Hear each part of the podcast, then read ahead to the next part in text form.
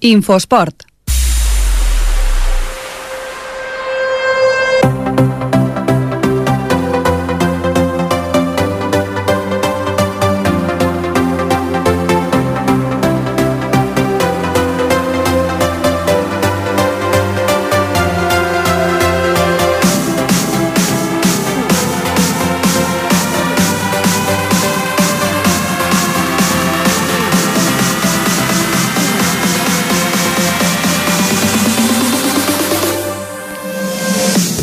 Molt bona tarda, a les 7 i 8 minuts encetem aquí el cinquè programa de la temporada de l'Infoesport. Avui, 14 d'octubre, us explicarem una setmana més l'actualitat esportiva de Ripollet. Us aproparem els resultats del cap de setmana i a les valoracions dels seus protagonistes, però tindrem també més coses en el nostre menú. Avui ens fixarem molt especialment en, esport en esportistes que porten el cos al límit per competir. L'esport en general és ja de per si una activitat que requereix una dosi d'esforç més o menys important, però esforç al, al cap i a la fi si, el, si es vol fer bé però hi ha disciplines que eleven, que eleven aquesta duresa a la màxima potència. Avui parlarem amb dos boxejadors locals perquè ens expliquin com viuen aquesta pràctica esportiva. També parlarem de límits amb un altre ripolletenc que fa uns dies ha disputat un Ironman, una competició de trialdó que es considera una de les proves esportives més dures que n'hi ha. Intentarem descobrir per què l'esport té aquest nivell d'addicció que anima la gent a patir per assolir una fita esportiva. Fites esportives n'hem tingut diferents aquest cap de setmana. La temporada comença a rodar després del sempre incert inici dels campionats i els equips volen trobar el seu lloc i els resultats que ensien. Comencem, com sempre, repassant precisament aquests resultats, els marcadors de la jornada del cap de setmana. El marcador.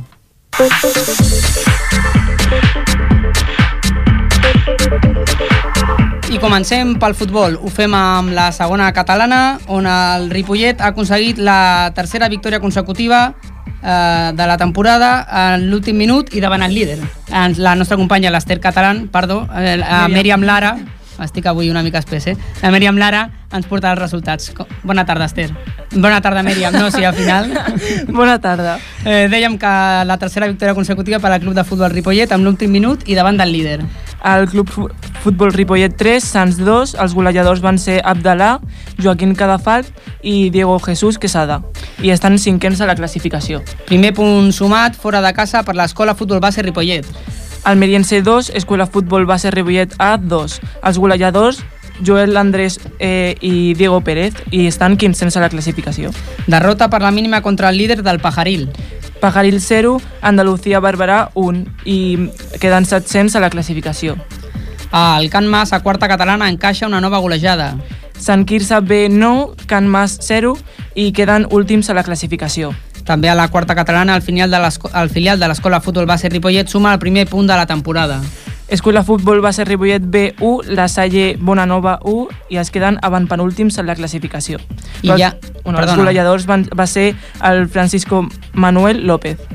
Ja a la Lliga Acdea, segon triomf de la temporada per al club de futbol Lander Baiano. Veteranos Catalunya 1, eh, Lander Baiano 2. En futbol sala, el Ripollet Futbol Sala jugava un partit ajornat i fa el ple de victòries. Eh, Alcaldes 1, Ripollet Futbol Sala 10. Els golejadors van ser Joan Martín, Manuel Campos, que va ficar 3 gols, Francisco Javier Villalba, que va ficar 2, Òscar Prieto, uns, un altres 2, Sergio Oruj i Jesús Díaz, i queden primers a la classificació amb 9 punts. Passem al tennis. Segona derrota en 3 jornades per al primer equip del Club de Tenis Ripollet. Poble de Claramunt 3, Club Tenis Ripollet A 2. També el segon equip del Club Tenis debuta a casa amb victòria. Club Tenis Ripollet B3, Club Tenis Sant Adrià 2. Passem al tenis taula. El primer triomf a la Lliga de Primera Nacional Masculina ha arribat a la segona jornada de competició per al Club Tenis Taula Ripollet. Club Tenis Taula Ripollet 4, Club Tenis Taula Igualada 2. Passem ara al bàsquet, amb el bàsquet Ripollet, que fa 5 de 5 els homes de, Carla, de Carles Tatxer a la primera catalana. Sama Vilanova 73, Club Bàsquet Ripollet 74, queden primers a la classificació. També guanya el sènior B del Club Bàsquet Ripollet. Canyelles 67, Club Bàsquet Ripollet 70, queden tercers a la classificació. Dos partits i dues victòries per al primer equip del Gassó. Eh, Club Bàsquet Gassó A 58, Canovelles Bàsquet, Bàsquet Club 42. Queden tercers a la classificació. El filial del Gassó sí que heu derrotat aquesta jornada. Exacte. El Club Bàsquet Cassou B, eh, 43, Tote Vignau, 61, i queden un cens a la, classi a la classificació. Anem cap al bàsquet femení. Contundent segona victòria de la temporada per al Club Bàsquet Ripollet. El Club Bàsquet Ripollet femení, 72, Club Bàsquet Vila de Cavalls, eh, 37. Queden segones. Mm. I acabem el bàsquet amb la primera derrota de la temporada del bàsquet femení Gassó. Bàsquet femení Ripollet 53, eh, bàsquet femení Cornellà 55, queden setenes a la, a la classificació. Passem al hockey, eh, 3 de 3 per al Club Hockey Ripollet. Eh, Cambrils 4, Club Hockey Ripollet 12 i queden a la classificació, estan al, al capdavant empatant amb Valls i Sitges. I tanquem el repàs a aquests marcadors del cap de setmana amb el patinatge artístic, una medalla al Campionat Interclubs per al Club Patinatge Artístic Ripollet. La medalla de plata se la van portar Patricia Quintero a Iniciació A. En figures obligatòries C menors, Clàudia García va ser quarta i Erika Cuenca dotzena. En Iniciació B menors, Teresa García va ser dotzena i en debutants l'Anna González va ser segona i medalla de plata. Doncs moltes gràcies, Mèriam. A tu. Mèriam, eh? No Esther. Seguim. Futbol, futbol, futbol.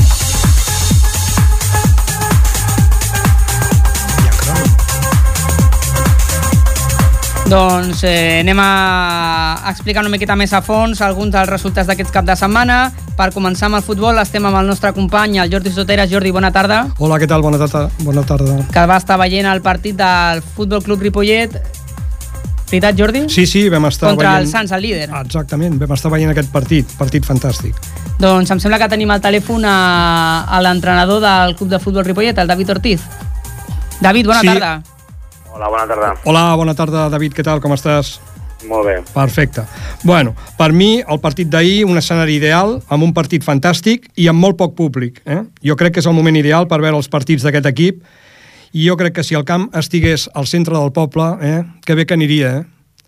Sí, no, bueno, no, no, no et falta raó, però sí que és veritat que ahir doncs, la- la- l'afició va estar de veu, la gent que es va apropar al municipal i, i ens va apropar moltíssim, no? Eh, els teus companys de, de futbol casa a l'acabar el partit em preguntaven que, que, que havia sentit amb, amb l'afició i la veritat que, que, que el, el, el, la pell de, de gallina, no? Amb, amb els últims minuts, celebrant l'últim gol, crec que, que va ser important. És un partit molt emocionant, no? Sí, la veritat que sí, crec que ho vam fer nosaltres, que és emocionant, no? Crec que tindríem que haver estat per davant al marcador a la primera part sobretot, que van ser molt superiors, però bueno, que aquest grup és molt igualat i, i, i el Sants és un, és un gran equip i, i ens va costar molt. Sí, de fet, de fet un partit, un partit força, força complicat, amb un rival, mm, un rival fantàstic. Jo, en realitat, ve- veient el partit, jo trobo que és insòlid veure un partit de tanta qualitat en aquesta categoria de segona catalana. Sí, no, la, la veritat que, que, que d'aquí la repercussió d'aquest partit aquesta setmana, no? on, on va haver molta premsa al, al camp, un partit de dos equips molt, molt importants, dos, dos clubs històrics, que, que, que sempre han militat en categories superiors i jo crec que, que això doncs, fa que, doncs, que aquest partit hagi, hagi- sigut tan, tan vistós i tan, tan bo, no?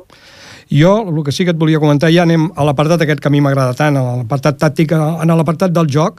Ah, mm, tu havies vist el Sants, com veus cada, cada equip. Què et va sorprendre? Eh? És dir, tant l'un- un equip com l'altre, tu l'havies vist, aquest equip presentava doncs, una forma de jugar, i què et va sorprendre? Et van sorprendre? Com va funcionar tot això? Tot el que és tàcticament, no?, el, el partit. Mm.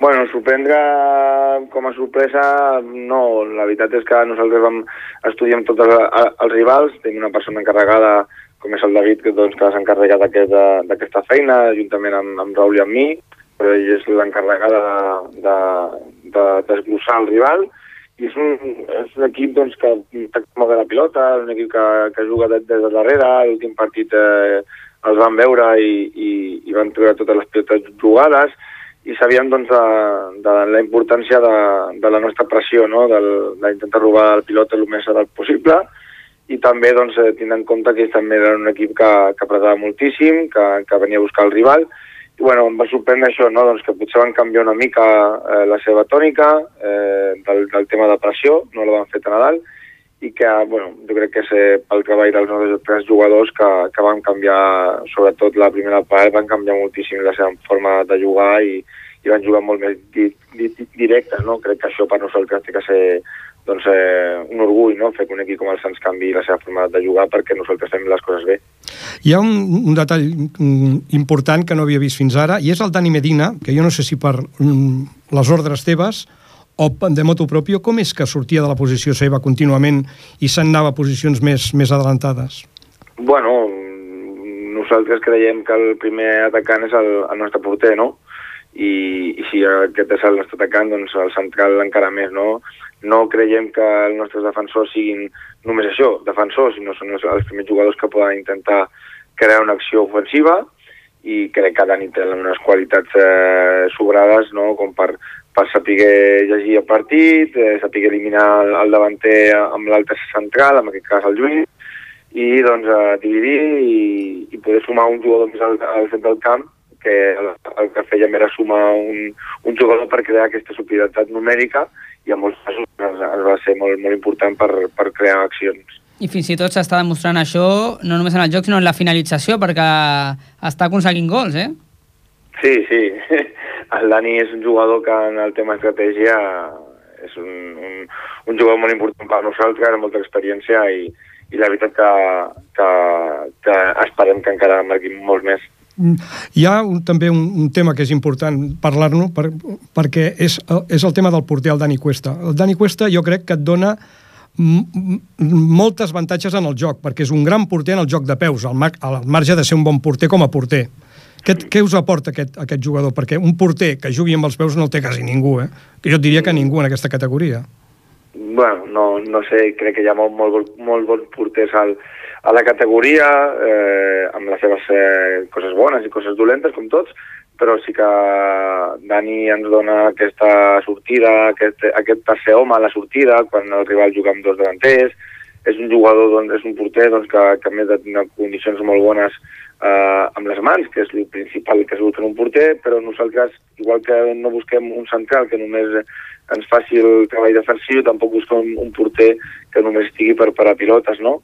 Sinó que també ens ajudi i que també pugui ser ajuda als jugadors eh, defensius perquè quan estiguin una mica apretats o una mica pressionats doncs pugui jugar amb ell, no? però tant, tant el Dani com el Javi, que encara no ha tingut la sort de, de debutar, eh, són jugadors que, que, que volen aquesta participació i volen aquesta ajuda, volen ajudar els seus companys d'aquesta manera. Perfecte. David, Perfecte, per acabar, gràcies. que, que important, que important aquests tres punts. No eren tres, eren sis, eh? Perquè el Sants era, estava allà dalt i és un partit en què la victòria doncs, valia més de tres punts.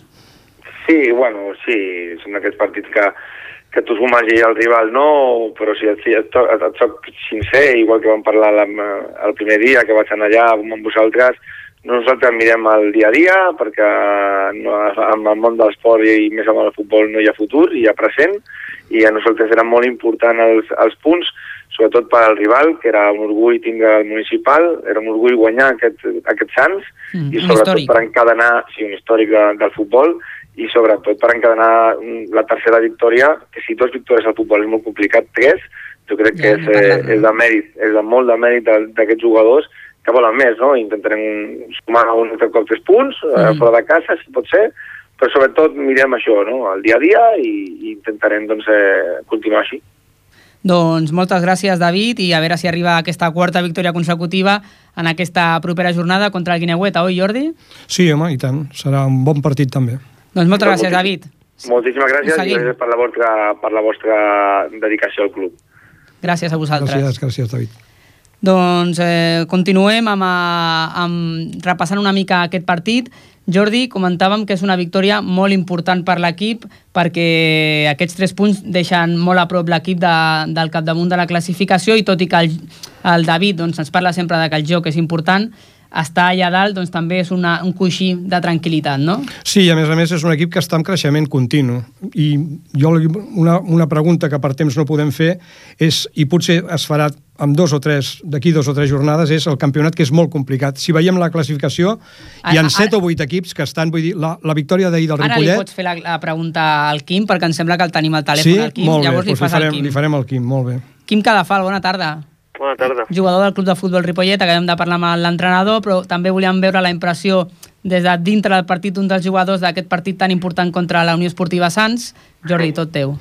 Hola, Quim, què tal? Bona tarda, com estàs? Bona tarda, bé. Molt bé. Bueno, jo trobo que aquest Ripollet la gent s'ha d'enterar de quins jugadors té. Per exemple, aquest jugador, Quim, és un jugador que ha estat 5 o 6 temporades al Barça, no? Sí, sí, sis temporades. 6 temporades al Barça. I on sembla que vas estar? Explica-ho tu. Des d'infantil fins a juvenil. Fins a juvenil. Estem parlant de 6 temporades, un jugador que ha jugat a l'elit formativa al Barça. I de sobte te'n vas a Romania a jugar a segona divisió. Sí, sí. I què passa allà?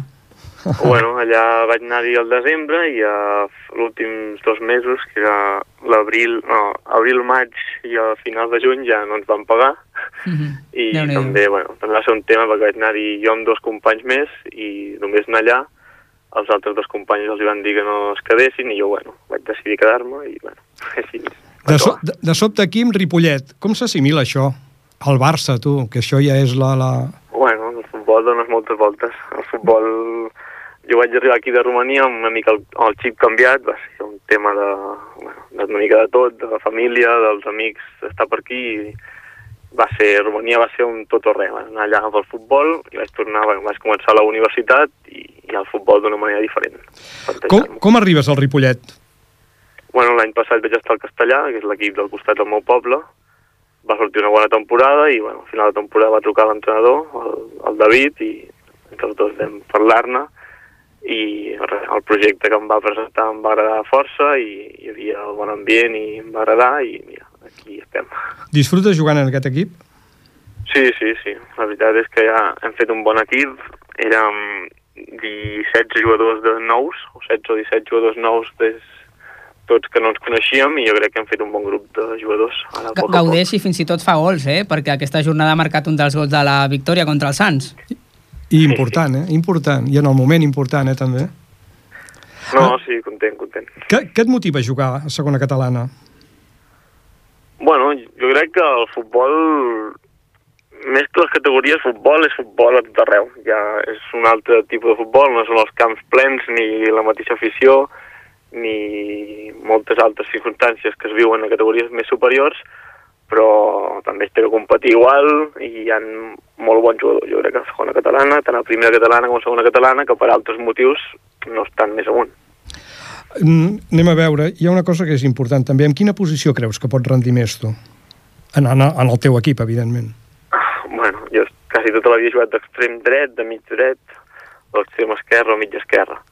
Després, segons quin tipus de partit, quin, si el camp és més gran, més petit, jo crec que puc rendir més una posició o l'altra, però normalment per la banda. I aquesta sí que tinc ganes de fer-te-la. Tens representant una i pen- penses en quedar-te tota la temporada en aquest club? Tinc representant, no. No? Um, Bueno. bueno, des de que vaig tornar a Romania va ser un, un canvi així total. Vaig deixar aquests temes una mica aparcats. Amb el meu pare ho porto així. On va, vaig on crec que puc disfrutar jugant a futbol, més que res, Mm. sense plantejar-me on em donaran més calés o, o on, on puc tirar més amunt Mm. o més avall, més que res em plantejo d'una altra forma les coses i um, si em quedaré tota la temporada, doncs en principi sí, aquesta intenció és la que tinc jo.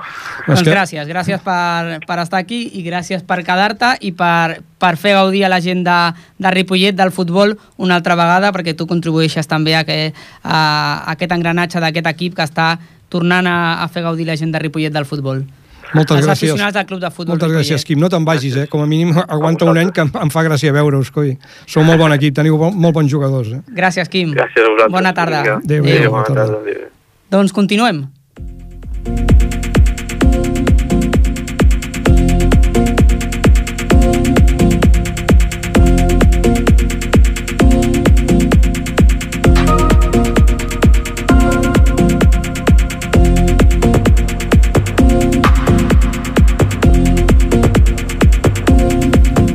Doncs eh, seguim amb el futbol. Ara canviem de categoria. Si estàvem a la segona catalana amb el club de futbol Ripollet, doncs eh, farem una mica de repàs ràpid a la tercera catalana, on tenim dos equips de futbol, com tots ja sabeu, el Pajaril i l'Escuela Futbol Base. El Pajaril, que aquesta jornada lamentablement perdia per 0 gols a 1 en, en la jornada d'aquest cap de setmana. Uh, crec que tenim a l'altre costat del telèfon a un dels jugadors del Pajaril, l'Israel, que precisament debutava en aquesta jornada. Israel Paloma, bona tarda. Hola, bona tarda. ¿Qué, qué tal? Da, eh, ¿Cómo van a qué debut? Eh, bien, la verdad, a nivel individual fue, hice, bueno, yo creo que hice un buen partido, pero no lo suficiente como para que pudiésemos al menos arañar un punto, ¿no? Uh -huh. Israel es portero de, de, del equipo y, y, y, jugó su primer partido. Habías estado en otro equipo, ¿no? Hasta, hasta, esta, hasta esta temporada. Sí, yo venía del Palau de Plegamans, de uh -huh. segunda catalana. ¿Ya habías estado por eso en Ripollet jugando antes? Sí, empecé, bueno, es mi segundo año de amateur, mi primero lo empecé ya en el Pajaril el año pasado que estábamos en cuarta catalana y luego a mitad de temporada me subieron al primer equipo, que antes uh -huh. era filial del Pajaril y era me filial subieron del, al primer del equipo. Club de Fútbol Ripollet y fuiste a, a jugar al, al, primer equipo. Sí. De todas maneras de allí, pues a final de temporada mmm, decidiste marchar al Palau. Sí, sí, bueno, porque el Ripollet no, no acababan de contar conmigo y me uh -huh. llamó el Palau y me decanté por el Palau. Uh -huh. Y ahí en Palau no te acaba de convencer la cosa y has vuelto a casa otra vez, hijo pródigo. Sí, exactamente. ¿Cómo, cómo, ¿Cómo estás viendo, cómo ves al equipo? Imagino que también lo habías seguido un poco, ¿no? Aunque no estuvieras en sí, el equipo. Sí, yo había seguido al equipo porque aparte estaban mis amigos y eso. Y bueno, al equipo, los partidos que yo lo había visto, había visto un equipo un poquito flojo para la tercera catalana, pero esta semana contra el Barbará hicimos un muy buen partido, uh -huh. aunque perdiéramos 1 a 0. Sí, exactamente, era el líder y bueno, acabaron pidiendo, llevaban pidiendo la hora desde el minuto 70 prácticamente. Marcaron el 65 y casi ya empezaron sí, a pedir la hora. Y se encerraron atrás y tomemos nosotros el control del partido, pero no, no hubo suerte de cara a portería. Luego uh -huh. tampoco el árbitro nos quiso pitar un penalti de una mano bastante clara, la vi yo desde la otra portería. Y bueno, pues nada, el partido al final acabó 0-1. Uh -huh.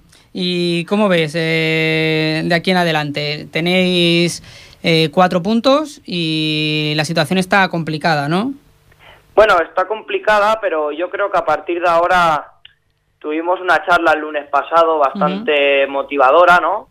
Que teníamos que dar más en el campo y yo esta semana vi un equipo bastante comprometido, los, -huh. todos los jugadores somos una plantilla muy amplia, pero todos los jugadores estamos súper comprometidos, la directiva nos lo da todo, todo, uh -huh. se, estamos muy a gusto todos en el pajaril y yo creo que sí que lo sacaremos adelante clarísimamente. Bueno, pues ánimos porque hay que seguir ahí luchando y sumando puntos, eh, sí. como mínimo para alejarse un poquito de, de, esos nervios, ¿no? De estar ahí en el fondo de la sí. clasificación y encarar los partidos con un poco más de tranquilidad. Sí, exactamente. Pues muchas gracias, Israel. Segui os seguimos. A vosotros. Venga, buenas tardes. Venga, adiós. I continuem amb l'Escola Futbol Base Ripollet, com dèiem, també a tercera catalana, que jugava aquesta jornada al camp de l'Almeriense i acabava empatant a dos el seu partit. Com us havíem explicat, eh, l'equip eh, té 4, 5 punts amb el d'aquesta jornada i tot i això està a la part baixa de la classificació, no acaba de despegar, però bueno, com a mínim està donant està sumant una miqueta a mica a punts i està donant una mica de, de millor impressió jornada rere jornada. Eh, em sembla que tenim a l'altre costat del telèfon un dels jugadors del, de l'escola Futbol Base el José Juan Gordillo. Gordillo, buenas tardes. Hola, buenas tardes. Porter de, de l'escola Futbol Base. Eh, un empat, no? aquesta jornada? Pues sí, un empate que, bueno, sabe un poco a derrota por, porque íbamos todo el rato por delante del marcador. Pero bueno, es lo que pasa. Mm. Fútbol es fútbol. Eh, ¿Cómo lo veis? Eh, está costando un poco lleg llegar los puntos, ¿no? Bueno, cuesta un poco. Eh, fácil, nadie te va a regalar nada, está claro. Pero bueno, un poquito de confianza, trabajo y seguro que saldrá todo. Uh -huh. ¿Qué os cuenta el mister? ¿Qué, ¿Cómo os motiva? Bueno, no, el mister lo único que quiere es que trabajemos y cada uno se motive a su manera. Uh -huh. Es decir, el que quiere resultados y trabajo y ya está, nada más. Eh, ¿Cómo ves al equipo? ¿Ves al equipo capacitado eh, o ves la categoría muy complicada? No, no, que va. Estamos, yo creo que hay jugadores que, han- que hemos, que hemos jugado en, bueno, han jugado en categorías superiores. Yo lo veo, yo lo veo sí, que pasaremos de sobra, ¿no? Lo que pasa es que bueno, hay que ponerse el mono de trabajo y, y creerse, creerse durante los 90 minutos que somos superiores. Ujú. Pero bueno, ese es el problema, nada más. Pues ánimos y suerte de cara a los próximos partidos. Ver, Gracias, Gordillo. Buenas tardes.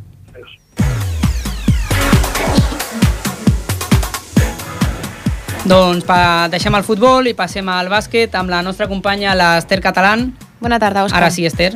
Sí, ara sí. Ara sí és l'Ester, que ens explicarà una nova victòria del Club Bàsquet Ripollet masculí.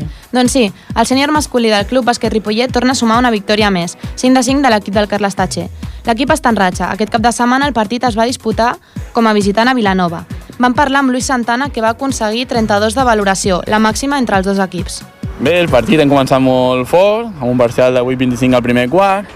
Després ells han apretat en defensa el segon quart, ens hem relaxat una mica i ens han remutat fins a posar-se a 6, 7 i mantenir aquesta instància. Després ha vingut el descans i després del descans el bo de l'equip és que no ha baixat els braços en cap moment. Eh, hem estat forts mentalment, forts en defensa, forts en atac i hem pogut mantenir l'equip a dalt amb la mateixa puntuació, un a dalt, dos a baix i fins al final del partit que hem estat mentalment molt forts i hem acabat guanyant d'un punt sense baixar els braços en cap moment.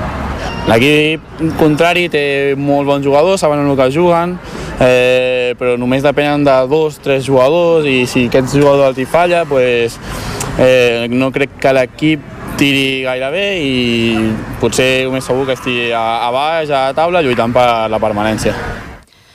Tot i que no s'ho esperava, l'equip va ser un partit molt igualat fins als últims segons. Al primer quart, els blaus van sortir amb una clara superioritat, fent un bon atac i una bona defensa. Els de Vilanova, però, no van estar gaire acertats en els tirs. Això va deixar un marcador de 9-25 al, al final del primer període. Al segon quart la cosa va canviar. Els de Vilanova van pujar el ritme del partit, millorant l'atac i la defensa, fent un parcial de 26-16. Els del Tatxer es van precipitar en l'atac i el quart semblava un correcalles. Finalment van acabar amb un 35-41 a la mitja part. La segona meitat del partit no va començar molt diferent. Al minut 6 del tercer quart, els de la Vilanova van aconseguir remuntar i igualar el marcador amb un 45-45. Tot i això, el Ripollet no va baixar els braços i finalment van aconseguir deixar una distància de 7 punts al marcador. El darrer quart va començar bé per als de Ripollet, amb una diferència de 10 punts. Van millorar l'atac movent la bola, fent jugades i assegurant els tirs. Els últims minuts del quart, però, van ser molt tensos, tant a la pista com a la grada. Els àrbits van pitar dues tècniques seguides a l'equip del Tatxer. Els de Vilanova van aprofitar els tirs anotant-los tots sis i van agafar un avantatge de 4, 69-65. A falta de pocs minuts, els blaus van deixar-ho tot a la pista amb un bon moviment de bola, penetracions i forçant les faltes. Finalment, el partit va acabar, com ja hem dit abans, amb una nova victòria del Ripollet, 73-74. Doncs moltes gràcies, Esther, i ara passem de la pilota gran a una molt més petita, la del tenis taula. El nostre company, el Brian Calvo. Brian, bona tarda. Bona tarda, Ens aproparà el resultat, el que ha fet aquest cap de setmana el Club Tenis Taula Ripollet masculí. Doncs sí, la segona jornada del, del tenis taula ens va deixar la primera victòria del Club Tenis Taula Ripollet contra l'Igualada per 4-2 a casa, a la categoria de primera nacional Club 3. Fent l'anàlisi estadístic del partit, diem que el primer jugador que va jugar va ser Raúl Porta amb un resultat de 3-1. El segon partit el va guanyar Albert Martí amb 3-1 i el tercer, part, el tercer partit el que, el, el que ha sigut el nostre entrevistat, Julio Andrade, el va guanyar per 3-2. El parcial, que va ser de 4-0, el va tancar Miquel Arnau amb un 3-1. Els dos últims punts, fruit de la relaxació de l'equip ripolletenc, els va perdre la, eh, per 2-3 i 0-3. Però en global va ser un bon partit de l'equip de Ripollet i que ara es troba en sisena posició a la Lliga amb dos punts, una victòria i una derrota. Y ahora eh, pasemos a la entrevista que le han fet a Julio Andrade. Bueno, el primer partido fue muy disputado, tuvimos muchísimas opciones, fue una lástima lo que pasó realmente, porque tuvimos muchas opciones de ganar, pero el segundo partido, el equipo que vino, nosotros éramos superiores y el resultado para mi gusto fue lógico. Sí, como tú dices, quizá el último equipo al que os enfrentasteis fue inferior a vosotros, una victoria asequible ya desde el primer momento con un parcial de 4-0.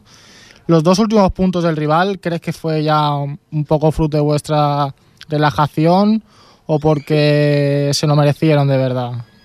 No, yo creo que ahí las daba la clave porque es que fue cuando ya has ganado a veces es difícil motivarse. Mira que, Sí. Que Miquel, el entrenador, nos lo comentó, ¿no? Tenéis que luchar, y te- pero a veces es difícil. Claro, haber ganado ya a veces te da una relajación que, es difícil motivarse. Sí, normal. Del 4 a 0 ya los dos últimos puntos cerrasteis con derrota, pero bueno, al, fin y al cabo fue la primera victoria y en, ¿cómo ves al equipo? ¿Hay buena relación entre vosotros? La- esta victoria os da un poco más de calma, supongo. Empezar bien la liga es muy importante. Por eso la primera derrota pudo crear un poquito de dudas, pero bueno, yo confío mucho en este equipo. Está claro que somos un equipo que tenemos muy buen ambiente. Después tenemos un base que es muy, muy bueno. Yo creo que es de los mejores jugadores del, del grupo. Y después Raúl y yo y Álvaro, que es el nuevo fichaje, pues somos de un nivel parecido. Entonces muy compensado y muy peligroso. Eh, físicamente, ya hablando un poco de tema personal, ¿cómo te encuentras? Pues, pues muy bien, porque hemos comenzado este año, hemos hecho una, una pretemporada al menos bastante buena para comparar con otros años y me encuentro bien, me encuentro fuerte y con ganas. Siguiendo hablando de tu acción personal en el partido, jugaste el tercer partido con una victoria justa 3-2 y ya en el sexto, bueno, fue la derrota 0-3, que como tú bien has dicho, pues cuesta un poco motivarse. ¿Cómo analizas ya en global tu participación? Pues eso, el, el primer partido que era cuando aún estaba el partido en juego, pues fue muy, muy difícil para mí. Es un jugador que históricamente se me da mal. Lo que pasa que sé cómo jugarlo, le hablé mucho con Miguel y al final muy, muy ajustado, pero pude ganar, que es lo que vale. Sí, fue, al final lo conseguiste, 3-2, pero oye, fue una buena Pero en victoria. el quinto. Y en la liga os encontráis en sexta posición. ¿Cuál crees que debe ser el objetivo esta temporada para vuestro equipo? Hombre, yo el objetivo lo veo que tiene que ser estar en las plazas de ascenso, porque tenemos equipo para ello. A nivel y a nivel personal, ¿qué metas te pones? Pues yo siempre me pongo una meta que es llegar sobre todo sobre el 60% de victorias, Sí, que yo creo que es mi nivel. bien. Próximo partido contra el este fin de semana. ¿Crees que será un partido a priori asequible viendo la clasificación? Ellos son décimos, pero ¿crees que va a haber alguna posibilidad a la sorpresa? Hombre, yo, yo estoy esperanzador, porque es un equipo que el año pasado subió de segunda nacional a primera nacional, es un equipo que en teoría se tiene que aún adaptar a esta categoría, y yo creo que tendríamos muchas opciones de ganar. Y ya para finalizar la entrevista, ¿cuáles crees que son vuestros grandes rivales eh, para el ascenso? Pues yo creo que las cuatro plazas más o menos seremos, espero, ¿eh? seremos nosotros, Ripollet, y después eh, Santa Eulalia de Ibiza, Borjas Sí. y Hospitalet. Nos- Entre nosotros cuatro yo creo que estarán las tres plazas de ascenso. Muy bien, pues muchas gracias por darnos esta entrevista y desde Infosport os, de- os deseamos lo mejor para esta temporada y que cumpláis todos vuestros objetivos, tanto a nivel personal como colectivo. Pues nada, gracias.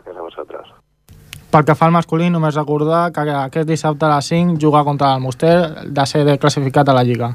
També I- hi ha una notícia important no, d'aquest cap de setmana en relació al tenis taula. Sí, la ripolletenca Sara Ramírez ha guanyat la medalla de bronze al Campionat d'Europa juntament amb la seva companya Sen Janfei a la categoria de parelles. Aquest ha sigut el millor resultat a la història del tenis taula espanyol. Doncs felicitats a la Sara Ramírez, que va anar als Jocs Olímpics de Londres i que està jugant a la Lliga Francesa de Sí. tenis taula i bueno, va haver de marxar d'aquí perquè les coses estaven més complicades, però està fent una gran trajectòria i està fent uns grans resultats. Mm, Canviem d'esport, gràcies Brian, A tu, Òscar. i marxem a la boxa. Boxa. Boxa. Per parlar de boxa tenim el nostre company, el Ferran Rigat. Ferran, bona tarda. Bona tarda, Òscar. I uh, qui tenim aquí avui per parlar? Doncs eh, avui us presentem una, una entrevista. Abans de res, presentar-vos una mica això. Ah, cambiarem de registre a castellà. El día 25 de este mes, Ripollet vivirá una, una de las mejores veladas de boxeo que se puede vivir alrededor de, de este país actualmente. Y como cabeza del cartel encontramos al, al subcampeón de, eh, de España de peso ligero, a José Antonio Estevez. Buenas tardes. Hola, buenas tardes. Y a Remedios Aragón, eh, bronce de España en 2011 y campeona de España en 2010 y 2011. Cam- Mu- eh, buenas tardes. Campiona de Cataluña. De Cataluña, perdona. Error. No, porque después... De unido, pero el palmarés ya tiene enjundia, ¿eh? La cosa. Igualmente impresiona. Ah, pues nada, em- empezamos con la entrevista. Em, primero de todo, que, le- ¿qué, os, ¿qué os hizo decantaros para el boxeo? Pues a mí me salió de mí mismo porque siempre me ha gustado y me fui un día a probar y hasta ahora aquí sigo. ¿A qué edad?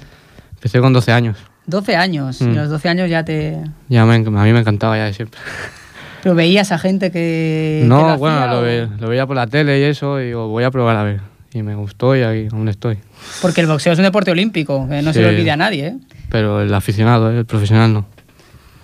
Bueno, ell, ell té família tradició boxística també, perquè el seu, eh, el seu tiet va ser boxejador professional, Ah, que, caram, s'està ja estem començant a veure més coses, que eh? és el que porta el club de boxa de Ripollet, Mhm. el senyor Julián Cabezas. Mhm. I la Remedios, quan va, quan va tenir aquesta cosa per la boxa? Jo vaig començar a entrenar als 31 i vaig debutar als 32 anys. També vaig començar per provar, perquè m'agradava aprendre un esport, no només per mantenir-me en forma, i com que l'evolució pues, cada dia vas aprenent coses, te va intrigant més i, i la veritat que després descobreixes que és un món diferent de, de com es veu Mhm. exteriorment. Ah, bueno, expliqueu-nos una mica la vostra carrera. Com, o sigui, això és com va començar, com, com ha anat creixent. Fent combats y... y Eh, no te preocupes, habla en castellano, ¿eh? No te Ah, vale. preocupes. no, haciendo combates y subiendo un poco de nivel y continuando y, y a ver lo que surge. De todas maneras, es un deporte que, que no tiene una competición continuada como otros deportes, ¿no? A lo mejor el fútbol, el básquet, que No. semana a semana hay competición, es decir, es una competición que es más difícil de afrontarla a lo mejor psicológicamente, ¿no? No, a nosaltres el que ens agradaria seria això, que hi, hi haguessin unes... que estigués ben regulat, amb unes competicions sempre més o menys les mateixes, per saber que t'has de preparar, o sigui, fer com lligues de Mhm. boxa olímpica, perquè segurament això augmentaria el nivell de, de, de competidors, de gent que ho provés i de, i de nivell de les competidors, segurament. Llavors és molt important l'entrenament en aquest esport, no? Més que la competició en si. Uh, L'entrenament és molt important, la preparació física i, i la competició també, perquè la competició forma part de, de l'entrenament també, perquè no és el mateix entrenar al gimnàs o fer sparring al gimnàs, que a vegades fem molt més, que després a, amb un ring de competició que hi juguen molt, molt més factors de nervis, de moltes Mhm. més coses. Eh, què és el que més treballeu físicament? El físico, aguantar mucho. Respiración, Sí, musculación... Sí. La, la boxa té, té molts trets que s'han d'entrenar. S'ha d'entrenar primer la, la resistència física, s'ha d'entrenar la velocitat de reacció, s'ha d'entrenar canvi de ritme, perquè la boxa no és un ritme continu, sinó que hi ha canvis de ritme. Llavors s'ha d'entrenar la part tècnica i després tot això s'ha de barrejar i s'ha d'intentar a aplicar-ho tàcticament. Després se, se practica també la tàctica de combat. Mhm. Un còctel... És un còctel. Complicat, és, eh? És molt complet. La veritat és que molt complet. Ah, ¿Cuál es la diferencia entre aficionado y, y profesional? Que es un deporte que a veces no, se, no queda muy claro este, este matiz. Pues en aficionado eh, pues llevamos con casco, un profesional sin casco y sin camiseta. Luego los guantes de profesional son más pequeños, el vendaje es diferente y está un poco...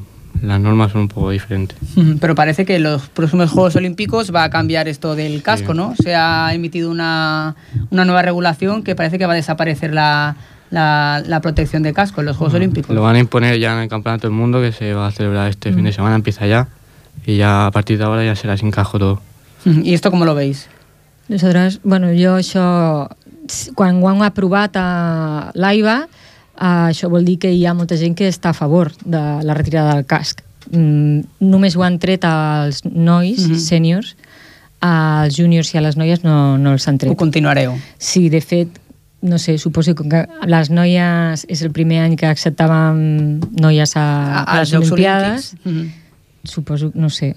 Home, a mi m'agrada portar casc perquè encara que sí que és veritat que poder no et protegeix el que és el cop, però sí que tens protecció de Una la, altra- de la pell. seguretat, no? De la pell. Per mi és com portar el cinturó de seguretat. portar el casc. Uh, quina és la vostra opinió sobre la visió que es té actualment sobre el boxe, que és un esport dur, és un esport mm, una mica bèstia, per dir-ho així. Que, com, que, què creieu? Que, com ho veieu? Yo, José. Yo no estoy de acuerdo con lo que dice la gente, porque es un deporte muy sacrificado como el fútbol, incluso más. Y no, no es como dice la gente, porque yo no estoy loco ni estoy tarado. y llevo muchos años haciendo boxeo. Pero, pero, pero sí que va un poco al límite, ¿no? El deportista, hablamos al inicio del programa, quizás un deporte en el que el deportista va, muy a- va hacia el límite de la línea y a lo mejor la gente lo siente como una, una sensación como extraña, ¿no? En el fútbol se dan un codazo y ya está, o en el baloncesto, pero aquí pues un golpe en la cabeza mal dado a lo mejor pues es más difícil, ¿no? De... Jo, a mi... Aviam, jo crec que ja ha arribat un punt Uh, jo vaig jo he començat de gran això, soc Mm. infermera i tothom pues, sempre, la gent sempre opina i sempre... Sí.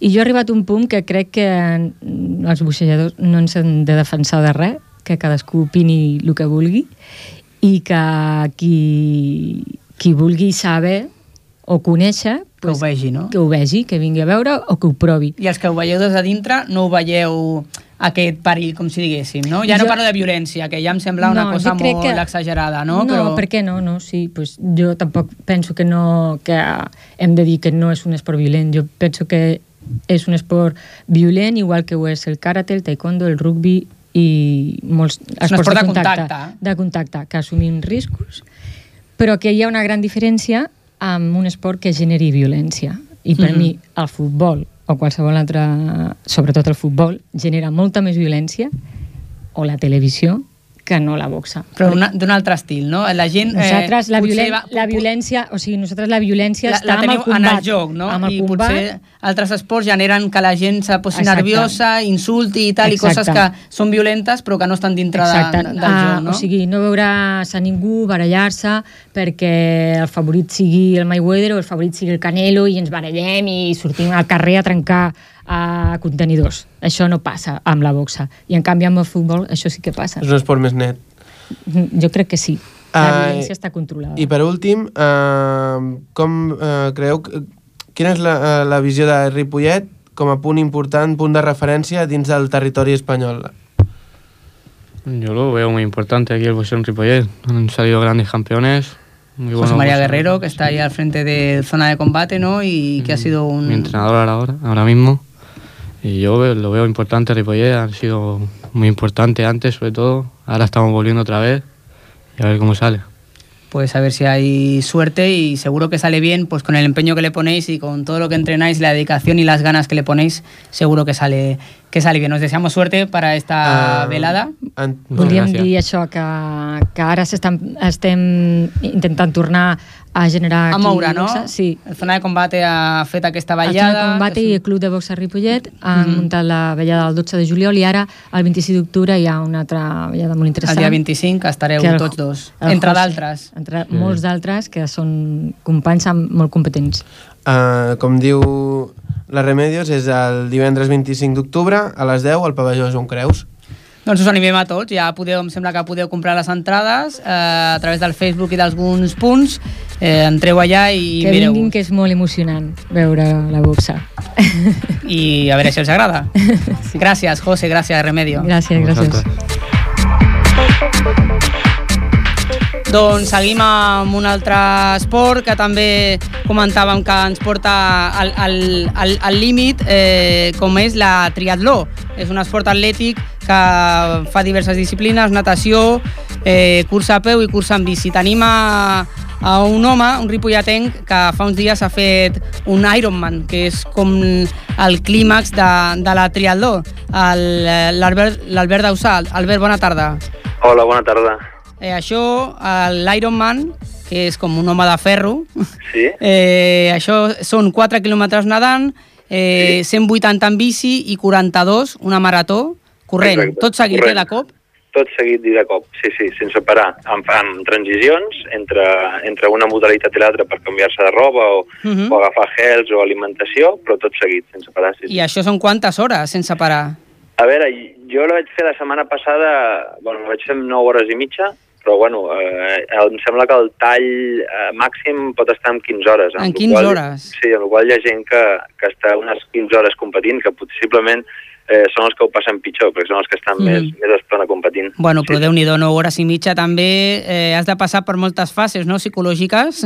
Sí, no, no, no, aquí al final t'has de preparar molt bé físicament, però, però el que de veritat compta al final és la part psicològica, i perquè, perquè per molt bé que estiguis, doncs, doncs en algun moment eh, et falta alimentació, en algun altre moment eh, pel que sigui tens fred, en, en la carrera de peu durant una marató que són 3 hores i poc, doncs, no sé, en algun moment t'entra una pàjara perquè, mm. pues, perquè el que sigui et falta hidratació, llavors el que has d'intentar és passar aquest, aquests batxes i, i, i seguir endavant i, i, i el que fa, doncs, per exemple, és que hi hagi molta gent a la marató i això ajuda.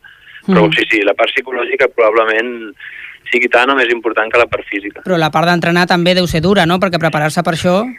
Sí, a veure, ha, al final, com que per desgràcia no som professionals i el que ens agrada, doncs, bueno, ho fem combinant feina i, Mhm. i, i, bueno, i el nostre hobby, el que ens agrada, que és l'esport, Mhm. eh, hem de dedicar-hi moltes hores i al final Mhm. és treballar i entrenar, treballar i entrenar i, i, i en el meu cas, que, que a més tinc família, tinc una filla i tal, doncs que no, has de buscar els forats per, per mirar de trobar un moment per entrenar. Mhm. I, però sí, sí, eh, probablement entre unes, no sé, entre unes 15 o 20 hores setmanals Mhm. pots entrenar. Tu fins i tot has muntat un grup, eh, una vegada ficat en tot aquest món, per intentar ajudar altres persones, no? Sí, el que mirem nosaltres és que com que fa temps que estem al món de l'esport, el que hem mirat és de, de, de fer entre, uns entrenaments de qualitat mirant d'optimitzar el temps de les persones, perquè la gent al final és el que et deia, que acaba, Mhm. necessita, o sigui, ells treballen, i si els has de dir, pues, com tens que fer un Ironman, has d'entrenar tantes hores. Bueno, Mhm. no ja de entrenar menys hores, però que siguin de qualitat, i això el que Mhm. hem fet és, és hem muntat una empresa que es diu Non-Stop Training, i el que fem és ajudar la gent a entrenar per aconseguir els seus reptes, siguin un Ironman, com pot ser un, una mitja marató, o com pot ser aprendre a nedar, o el que sigui. Mm. Però això està una mica enfocat en el triatló, et dic que... que Perquè hi ha molta que, gent ara que, que s'està tirant cap a l'esport aquest amateur, eh? Cada vegada hi ha més afició. Si et Sí. sembla... Sí, Albert, digue'm.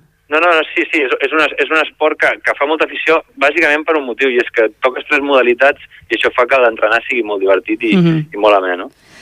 Doncs moltes gràcies, Albert. Si et sembla, un dia podem parlar de, de tot això, de, de, de tota aquesta afició creixent en l'esport i, de, i de com ajudeu vosaltres a la gent. Si vols, un Perfecte. altre dia en parlem.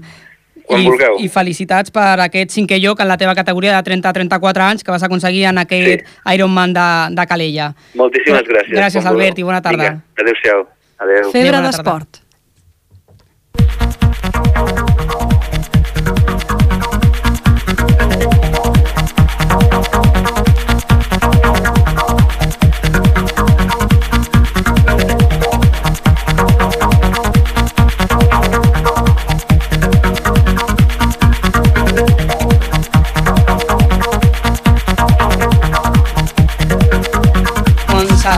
Doncs acabarem el programa, dèiem, amb l'última secció, Febre d'Esport, en la que us volem apropar el programa rere programa als joves esportistes de Ripollet.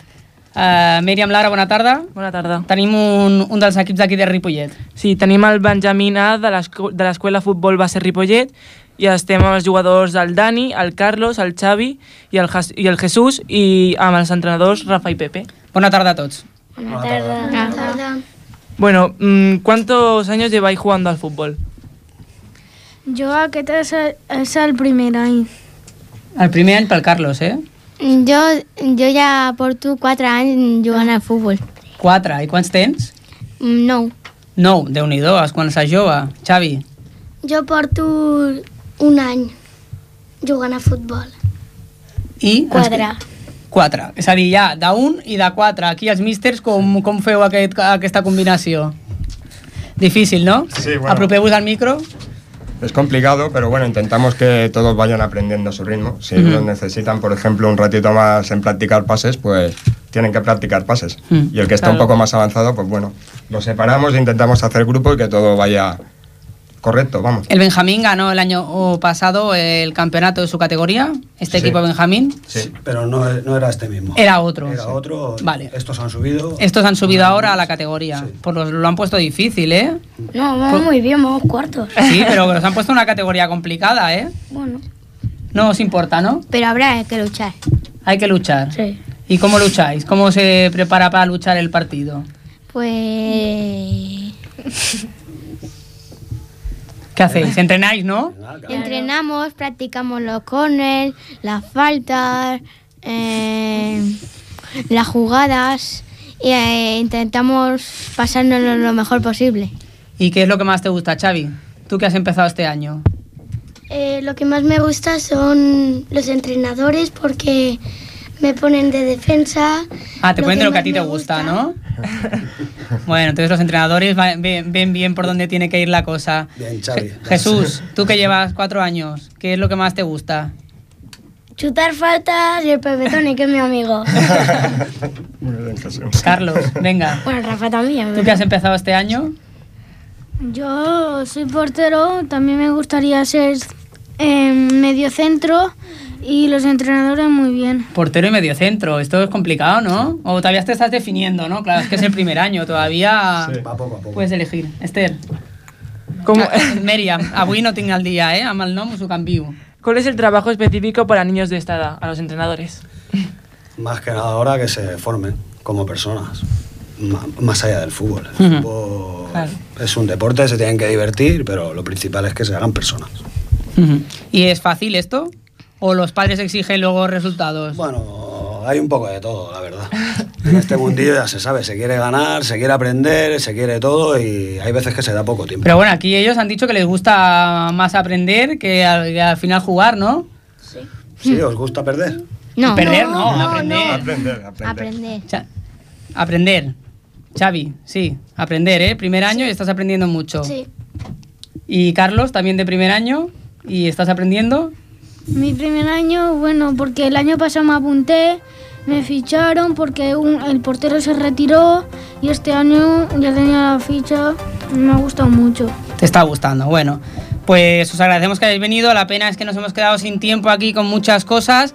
Durante la temporada venís otra vez, ¿vale? Y seguimos hablando. Ahora nos habéis hecho una entradilla y luego ya otro día hablamos un poquito más a fondo. Gracias ¿eh? por venir a los Gracias a y a los jugadores. Gracias por invitarme. Eh, hasta el lunes. Hasta luego.